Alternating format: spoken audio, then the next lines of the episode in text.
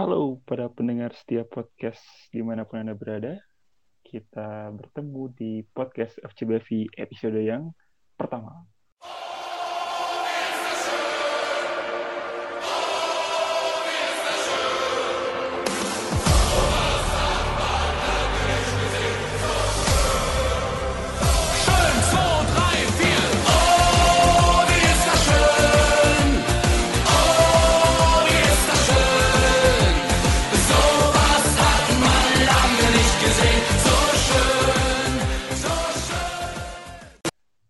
Dan saya di sini Aldi akan ditemani oleh Duit Kondang yang sudah tidak asing lagi kalian dengar atau kalian lihat karena kita berdua terlalu sering untuk nongol di YouTube-nya. Tapi dan sekarang kita merambah ke podcast karena ya masih dalam rangka stay at home.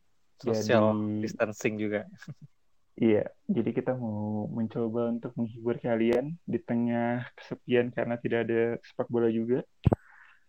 Dan untuk episode FCBV podcast yang pertama ini, saya dan Bang Kukuh akan satu tema, yaitu tentang kelanjutan nasib Bundesliga musim 2019 dan 2020. Dan sebelumnya em, kita minta maaf kalau misalkan kualitas audio kalian dengar agak jelek karena ya kita juga sedang keterbalik masih cari-cari alat-alat yang bagus, terus gimana cara merekam yang bagus dan juga membuat podcast yang bagus. Jadi nikmati saja apa yang akan kami sajikan di episode yang pertama ini. Dan untuk di segmen yang pertama ini kita akan membahas dulu tentang Bundesliga nih. Nah, em, kalau kalian baca-baca berita nih, ada empat skenario yang bisa dibilang menjadi skenario kalau Bundesliga ini dihentikan ataupun dilanjutkan. Yang pertama adalah Bundesliga selesai dengan klasemen yang ada sekarang. Artinya Bayern juara nih yang ke-8 kali. Walaupun pertandingan tersisa 9 pertandingan lagi. Lalu yang kedua itu Bundesliga selesai tanpa ada juara. Jadi untuk musim 2019-2020 bisa dibilang ya ajang pemanasan aja. Jadi liga diulang lagi dari awal untuk musim 2020-2021.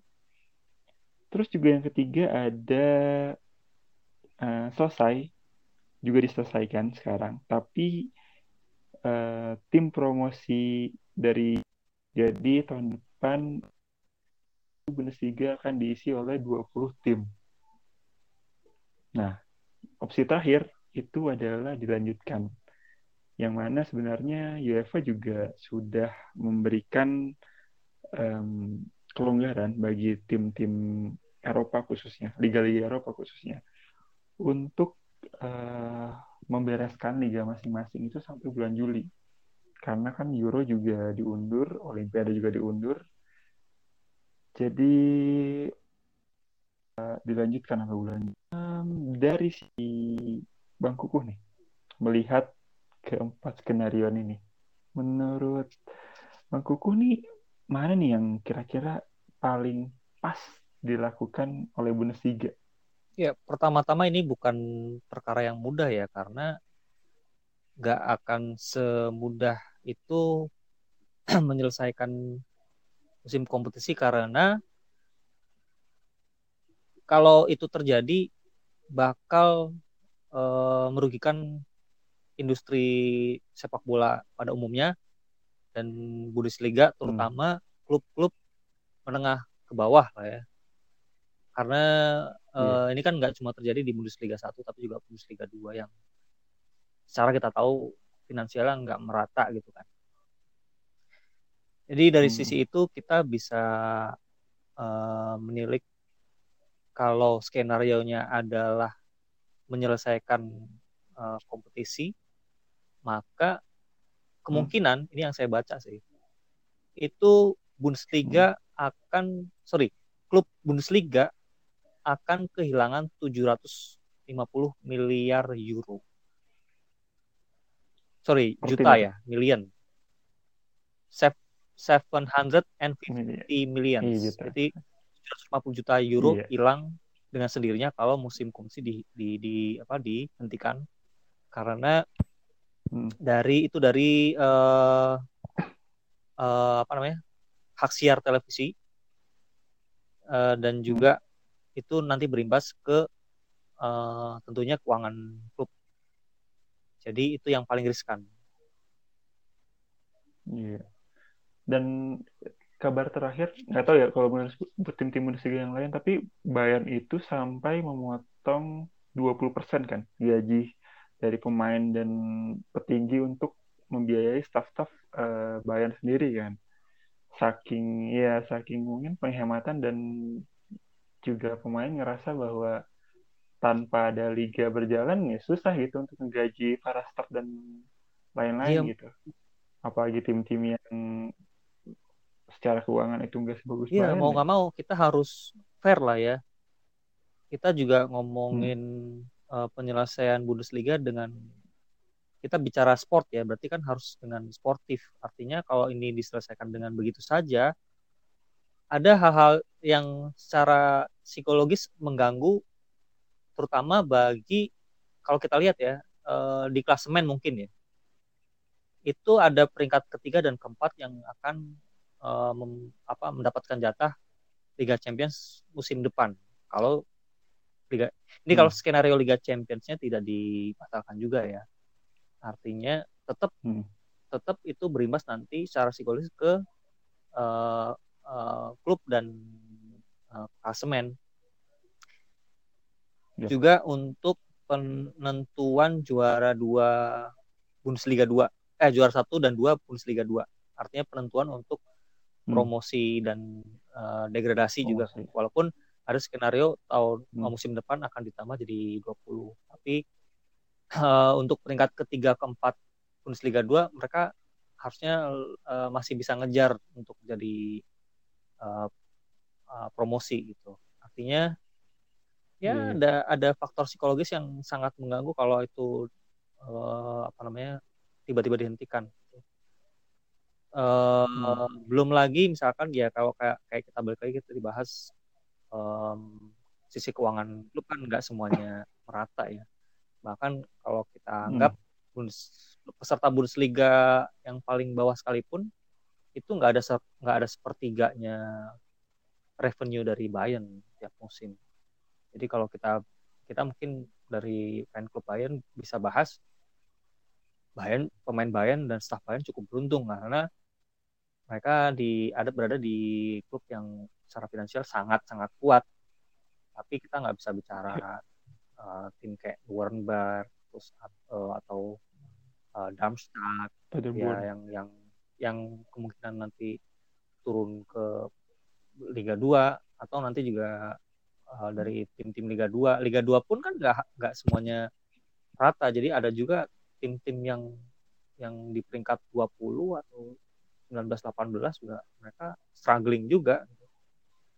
Karena mereka klub profesional. Jadi pada saat eh, mereka staffnya nggak bekerja ya mereka juga yang terburuk adalah mereka nyari utangan nyari utang untuk menutupi eh, Iya. eh, apa namanya keuangan mereka gitu. karena Hmm. praktis 9 pertandingan itu eh, tiga bulan lah ya tiga bulan. Dua bulan setengah lah.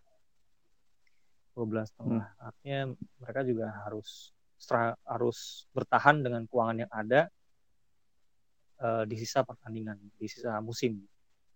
Itu Dan kalau misalkan um, Bundesliga ini ternyata akhirnya dilanjutkan dengan keadaan virus yang, yang mungkin secara penyebaran menurun, secara jumlah juga menurun, tapi karena masih dalam antisipasi akhirnya dilaksanakan pertandingan tanpa penonton misalkan.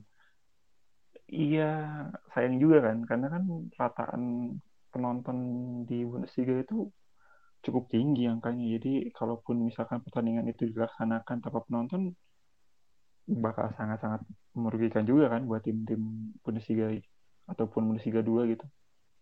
ya mungkin kalau memang disajikan pertandingan tanpa penonton ya yang rugi Hmm. adalah psikologis terutama psikologis Hmm. dari para pemain dan staff ya staff mungkin nggak terlalu berefek ya. Tapi pemain sudah pasti karena eh, di Jerman itu kultur sepak bolanya penontonnya sangat kuat banget. Bahkan ratanya tertinggi di Eropa. Mhm.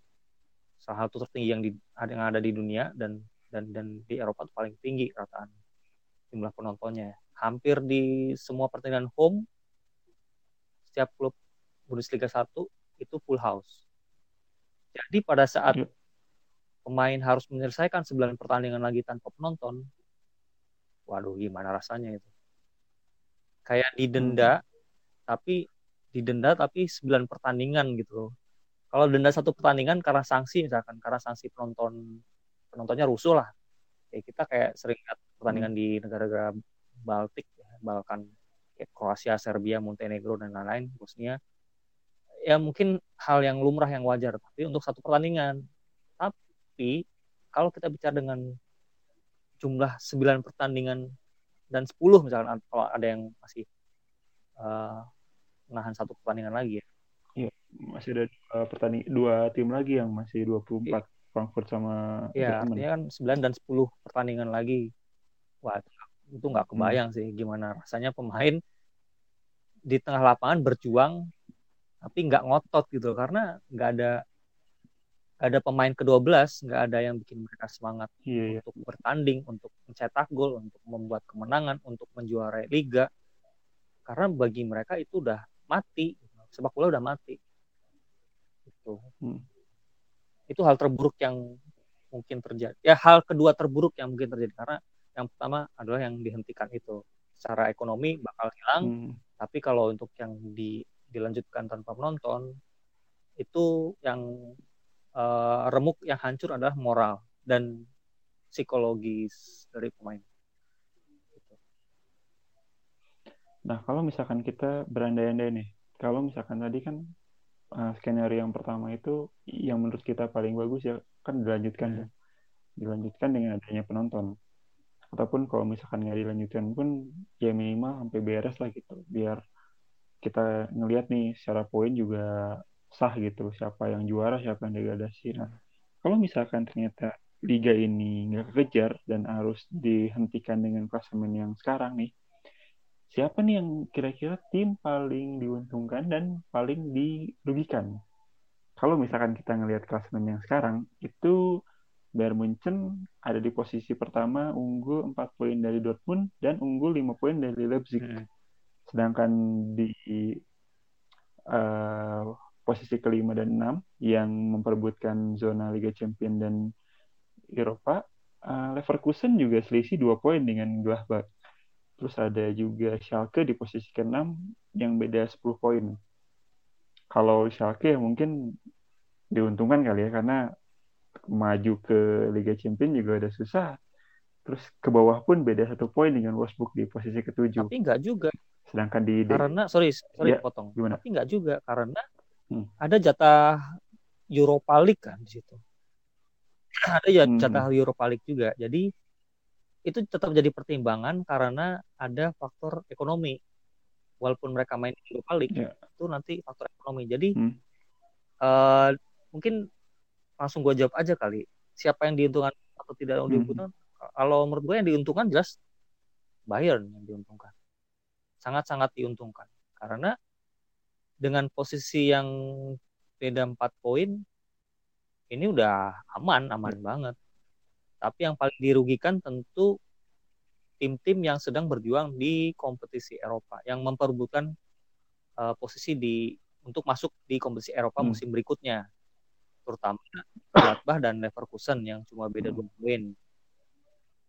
Kemudian Schalke pun mereka kejar-kejaran sama Wolfsburg, Freiburg, dan Hoffenheim karena cuma selisihnya cuma sama Hoffenheim itu Hmm. 35, Schalke 37. Jadi empat jadi empat empat tim ini tetap harus berjuang supaya dapat jatah di Europa League. Kemudian kalau kita lihat lagi ke bawah klasemen itu ada Mainz ya ya masih bisa diambil alih oleh uh, Düsseldorf. Kalau Düsseldorf mau berjuang lebih keras, mereka selisih 4 poin. Artinya dengan 9 pertandingan, sekalinya masih mungkin gitu. Justru yang mengkhawatirkan adalah uh, mungkin juga Werder Bremen yang mungkin punya peluang juga untuk bertahan. Jadi artinya yang paling dirugikan jelas tim-tim yang ada di klasemen bawah 16, 17, 18 yeah. walaupun mungkin musim depan gak ada hmm. degradasi tapi eh, apa namanya secara secara moral mereka nggak akan nggak akan uh, beruntung juga hmm. karena secara finansial juga mereka akan akan dapat revenue lebih kecil paling kecil mungkin di antara Bundesliga yang lain karena hmm. juara kan dihitung dari juara peringkat kedua tiga dan seterusnya hmm. gitu ya mungkin yang kalau ditanya paling rugi itu adalah peringkat keempat ya dari peringkat tiga mungkin tiga empat lima kemudian enam tujuh delapan sembilan uh, middle table uh, tengah ke atas yang yang sangat dirugikan kalau memang mereka langsung dihentikan begitu saja. Ya, karena Bremen dan Paderborn juga secara performa juga kawan banget sih dari enam mereka kalah lima kali dan cuman draw sekali. Malah mungkin siapa diuntungkan karena mereka empat kali draw dan dua kali kalah. Bahkan misalkan pekan depan itu siapa kalah itu bisa disalib sama Wolfsburg atau Freiburg yang mereka bisa langsung ke Europa League Ya. Ya itu sih itu ada plus minusnya gitu. Ya tinggal kita tinggal uh, tinggal kita lihat uh, bagaimana skenario akhirnya nanti. Tapi hmm. tapi gini banyak pengamat secara global ya secara secara umum pengamat sepak bola. Hmm. Uh, kalau kalau mungkin kalau di Serie A atau Liga Inggris IPL dihentikan, maka semuanya harus berhenti. Di liga-liga yang lain, hmm. terutama top Eropa misalnya, juga harus berhenti. Hmm. Jadi nggak ada kayak iri-irian, kayak mereka jealous ke liga lain. Jadi kalau mau dihentikan hentikan semua, kalau dilanjutin ya lanjutin semua dengan konsekuensi harus sama nih hmm. uh, rulesnya. Karena ya kita bahas tentang uh, olahraga, jadi berhubungan juga sama sportivitas. Kalau ada sesuatu yang tidak sama atau atau timpang bakal secara moral bakal bermasalah. Terutama kalau di Liga Italia ya Serie A karena dampak yang paling besar, yang paling tinggi uh, imbasnya itu di Liga Italia di Serie A. Hmm. Jadi hmm. kalaupun mau dilanjutkan, gua kok khawatir nggak akan bisa secepat itu karena terakhir kan uh, kita dengar kabar sampai akhir April kemungkinan uh, semuanya hmm. uh, apa namanya semuanya rehat. Nah nanti baru dilanjutkan lagi di bulan Mei. Tapi dengan kondisi yang saat ini masih berkembang di Italia, agak mustahil untuk di recovery secepat itu. Nah, imbasnya hmm. juga mungkin ke liga-liga yang lain ya. Hmm. Ya, uh, mungkin dari keseluruhan obrolan kita di segmen pertama, ya mungkin kita sepakat sih kalau Bundesliga dengan jumlah pertandingan yang relatif sedikit dibandingin liga-liga yang lain, tinggal sisa 9 pertandingan lagi sampai bulan Juli masih kekejar lah.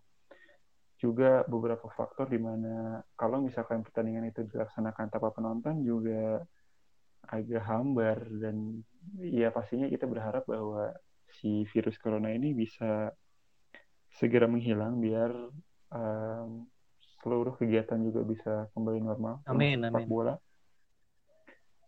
Dan itu dia tadi kita juga udah sedikit bahas tentang siapa sih tim yang paling diuntungkan kalau misalkan ternyata si liga tidak bisa berjalan dan akhirnya diputuskan dengan klasemen yang terakhir juga siapa yang tim yang paling dirugikan dengan hasilnya tersebut.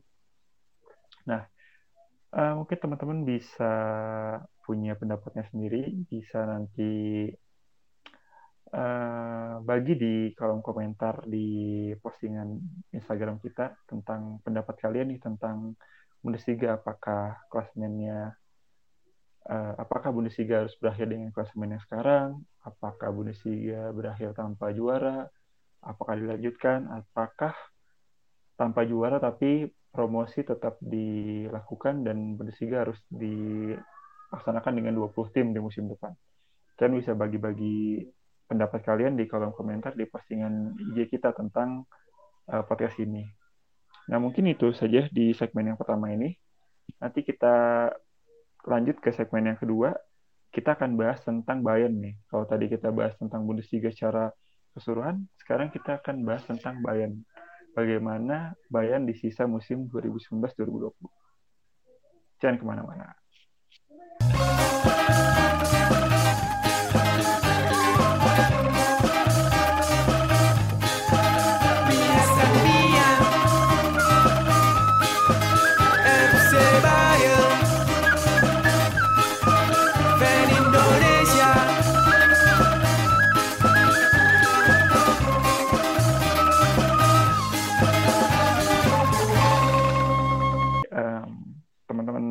Bayern Fans Indonesia, kita akan masuk di segmen yang kedua, yaitu kita akan membahas tentang Bayern.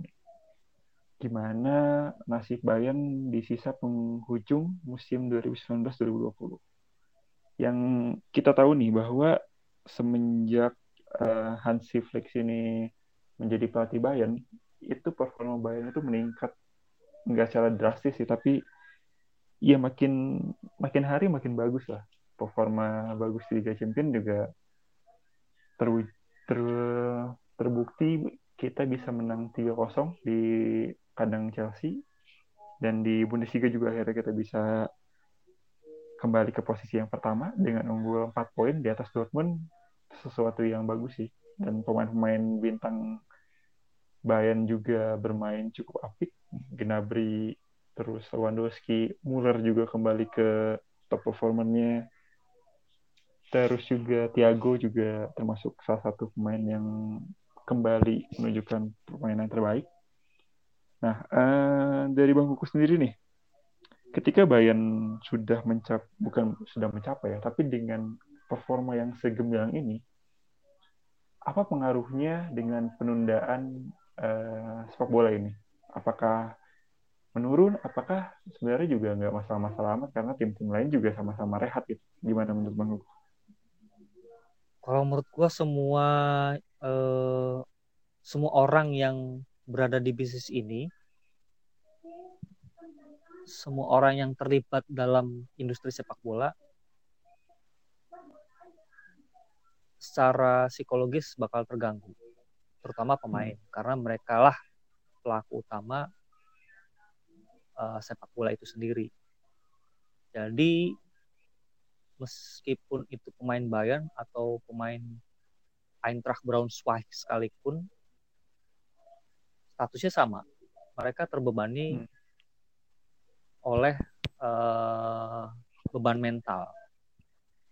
Karena bagi mereka ya mungkin ya mungkin kalau kalau menurut pandangan dan beberapa pengamatan setengah dari hati mereka sudah tidak ingin menyelesaikan musim ini karena mereka lebih penting uh, bicara tentang kemanusiaan, tentang uh, penyelesaian wabah yang mendunia ini, ketimbang bicara tentang sepak bola.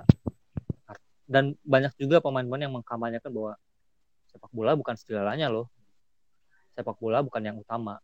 Bahkan hmm. Jurgen Klopp sekalipun kalau misalkan ditanya disuruh milih apakah Liverpool uh, boleh untuk tidak juara musim ini itu nanti pemikiran dia yang kesekian. Artinya bagi dia dia pengen fokus supaya seluruh dunia bisa membasmi uh, wabah ini. Baru Mhm. kita lanjutin lagi apa yang jadi PR apa yang jadi PR kita semua? Eh, balik lagi ke Bayan tentu berimbas. Tentu berimbas ke psikologis fisik juga karena yang Hmm. biasanya mereka latihan rutin kemudian mereka eh, harus beradaptasi lagi karena mereka juga harus latihan sendiri di rumah supaya mereka tetap Iya. bugar walaupun tetap ada latihan secara online eh, yang dipandu oleh pelatih juga pelatih utama dan pelatih fisik Hmm. itu tetap nggak bisa menggantikan bagaimana suasana latihan bersama Mhm.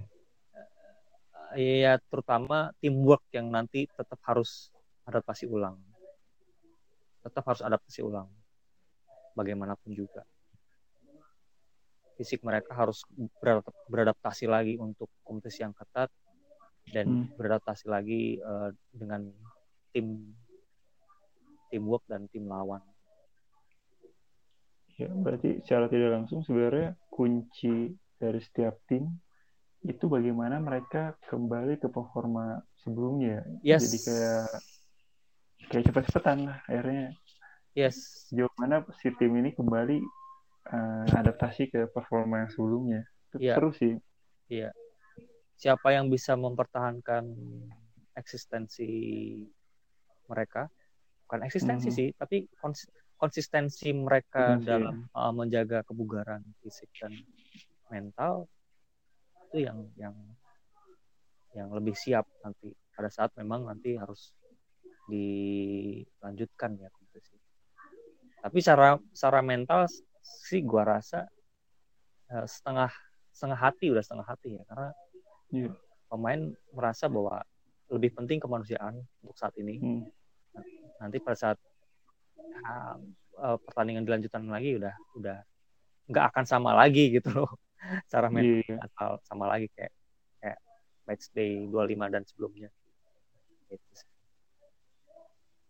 Ah, em, kalau misalkan kita bicara soal pemain, pemain yang kita tahu bahwa Lewandowski dari awal musim benar-benar jadi bintang bahkan mungkin bisa dibilang salah satu performa terbaik selama membela Bayern bahkan mungkin selama karirnya ya.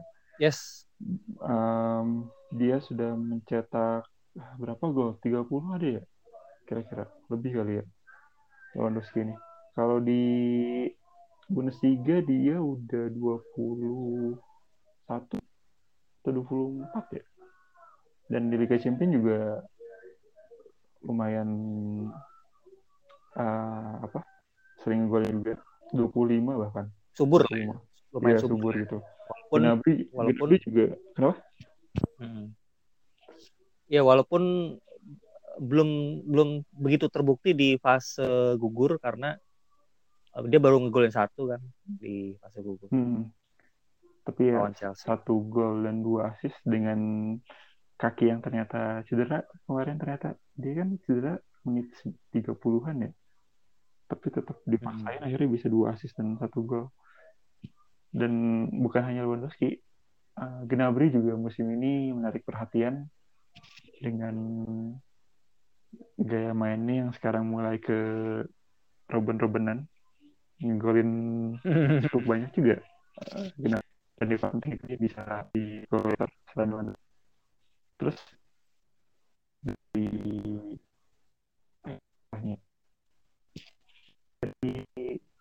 gol juga.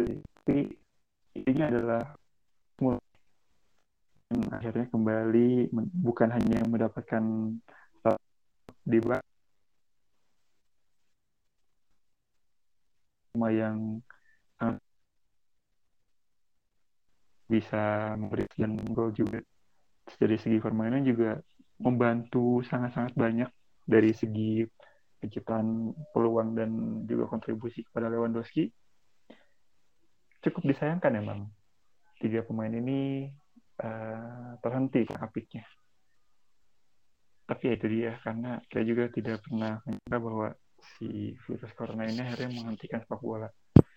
Nah kalau menurut Bang ini nih tiga pemain yang tadi disebutkan siapa pemain yang musim ini terbilang uh, bermain sangat-sangat uh, apik dan siapa juga yang menurut Bang Kuku tidak sesuai dengan ekspektasi nih di musim ini.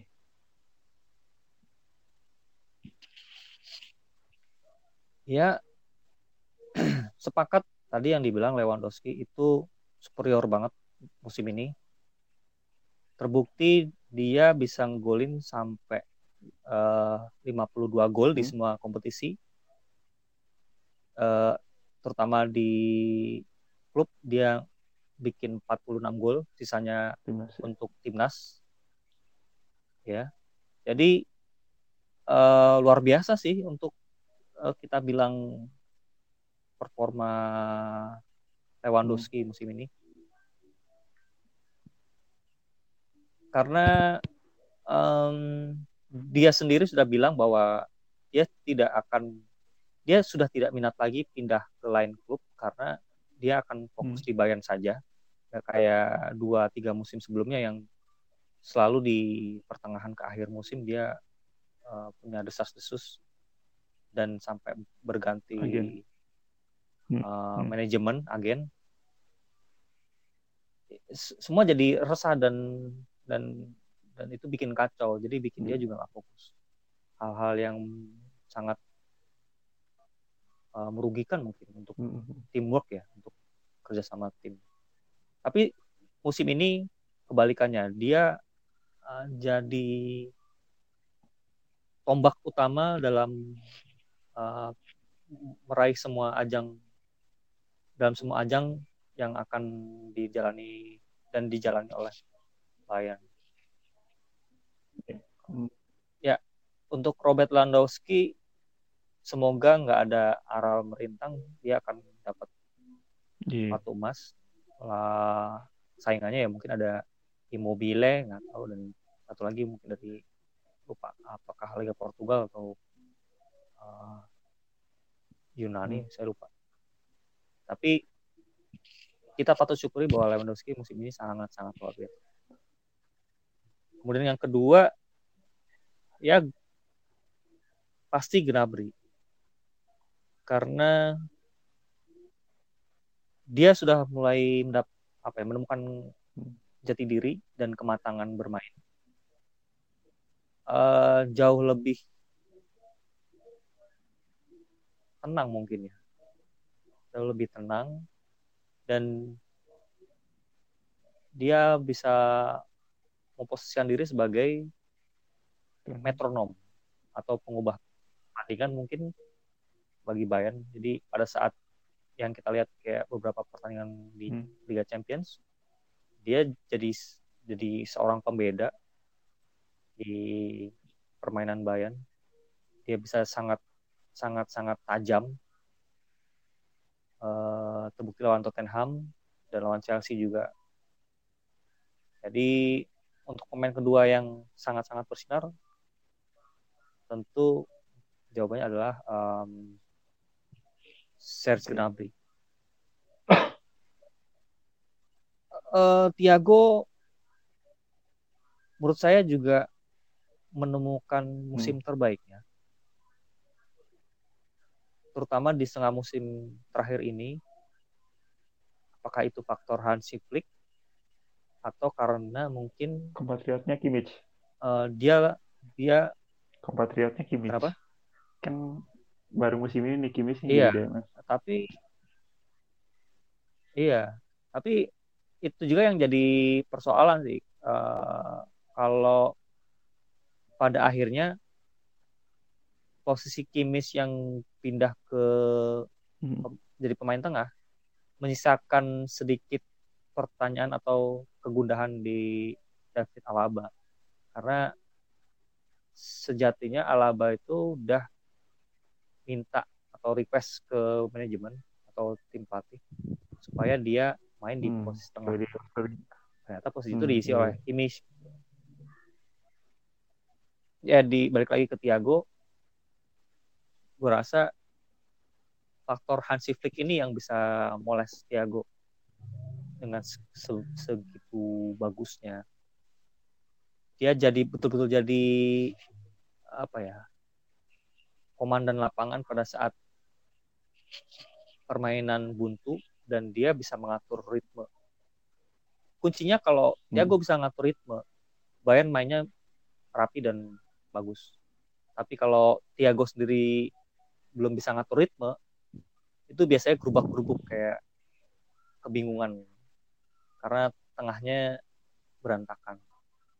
Itu bisa dilihat kayak kemarin lawan Chelsea babak pertama masih kayak nyari-nyari bentuk permainan karena Thiago juga masih nyari-nyari uh, hmm.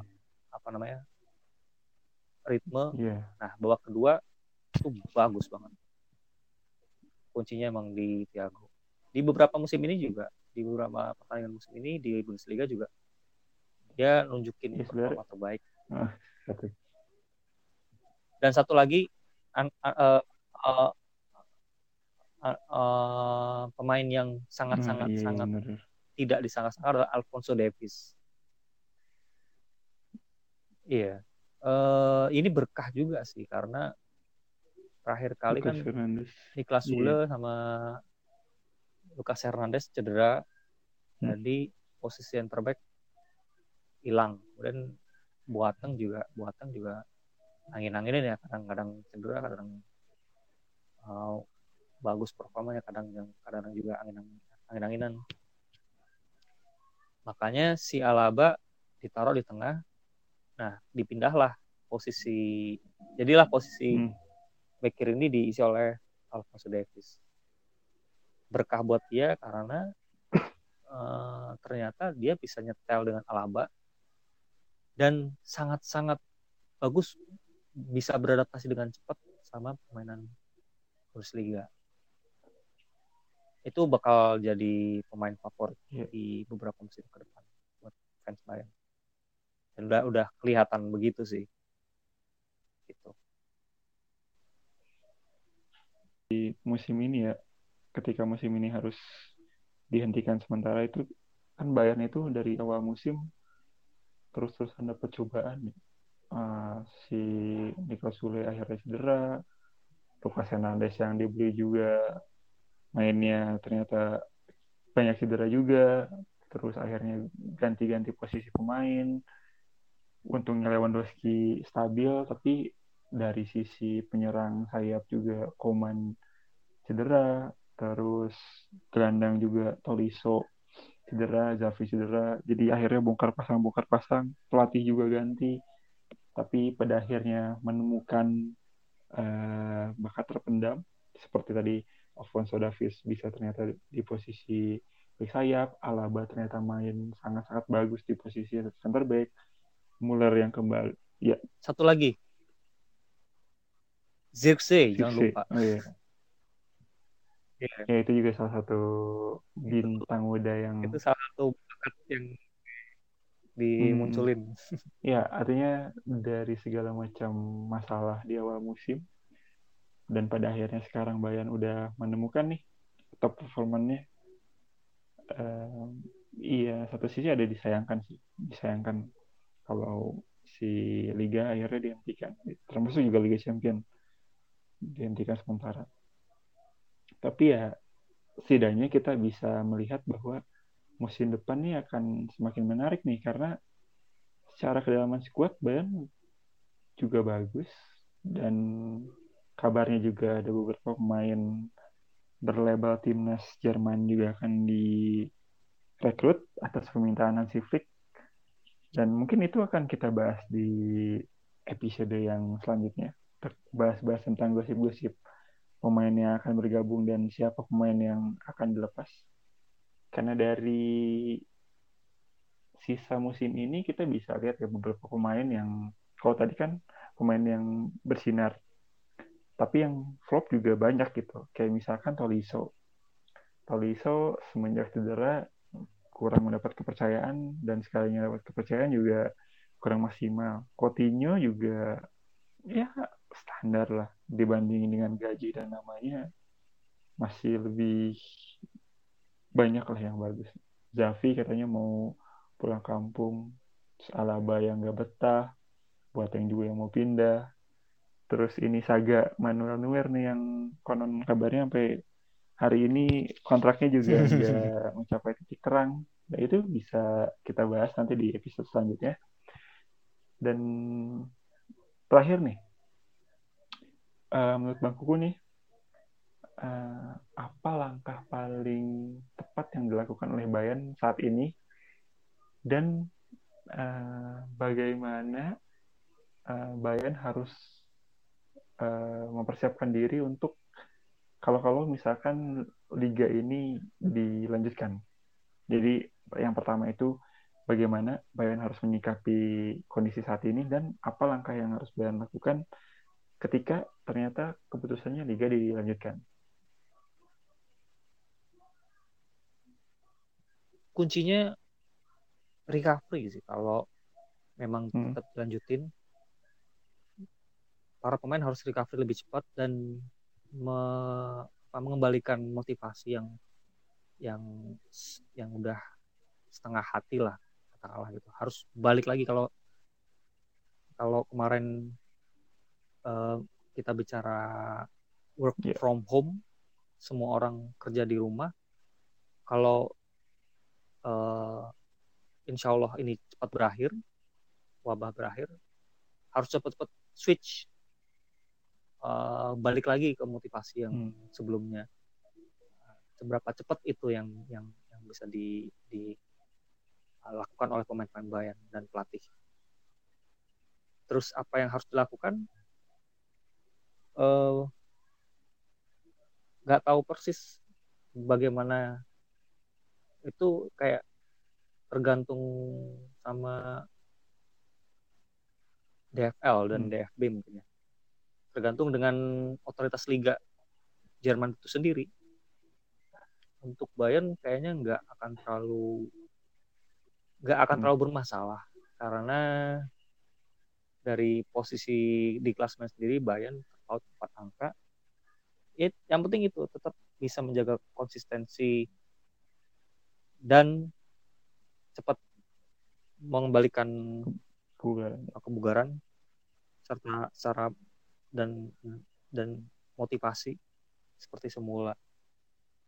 Itu aja sih mungkin. Oke, okay, um, kita udah di penghujung segmen yang kedua dan juga di penghujung episode yang pertama ini. Uh, tadi kita udah bahas banyak dari mulai nasib Bundesliga di sisa musim 2019-2020 dan juga uh, kondisi tim Bayern di sisa musim ini. Untuk kalian yang punya pendapat tentang liga dan juga tentang pemain-pemain Bayern nih, siapa yang musim ini bermain ciamik dan siapa yang flop itu kalian bisa ikut berkomentar di postingan IG FCBFI. Nanti beberapa komentar yang menarik juga kita akan coba rangkum dan kita mungkin dimasukkan di podcast khusus untuk um, fans. Jadi kita bisa ngerangkum itu nanti kita bacakan pendapat teman-teman dan ya kita juga bisa ngasih sedikit uh, komentar tentang komentar itu gitu. Dan kita bakal, insya Allah kita bakal rutin untuk bikin podcast ini. Uh, doakan saja bahwa semua dari kita sehat-sehat selalu, kalian juga yang mendengarkan juga sehat selalu, dan yang terpenting Amin. adalah si virus corona ini bisa cepat berakhir dan kita bisa ketemu lagi, Amin. bisa nonton bareng lagi, bisa main bola lagi. Nah, mungkin episode yang pertama ini Amin. kita cukupkan sampai di sini. Terima kasih untuk teman-teman yang sudah mendengar dari tadi pertama dan sampai sekarang. Um, boleh nih, Bang Kuku nih. Um, salam-salam terakhir salam-salam terakhir. Ya, apalah buat penutup yang lagi denger. Oke, buat teman-teman tetap stay tune di podcast FC Bayern Fan Indonesia. Tetap sehat, tetap jaga kesehatan dan tetap uh, aware, peduli dengan ya tetap di rumah, tetap di rumah, nggak usah ke mana-mana, nggak usah mudik dulu, tetap jaga kesehatan, uh, cuci Iya. tangan pakai air pakai air yang mengalir air dan sabun itu lebih penting daripada hand sanitizer kemudian uh, please jangan mudik dulu karena kita nggak pernah tahu apa yang terjadi apakah kita carrier pembawa virus atau bukan jadi please uh, selamatkan diri kalian dulu baru selamatkan orang lain. Kalian selamat orang lain selamat. Thank you dari gua. Sampai ketemu di podcast berikutnya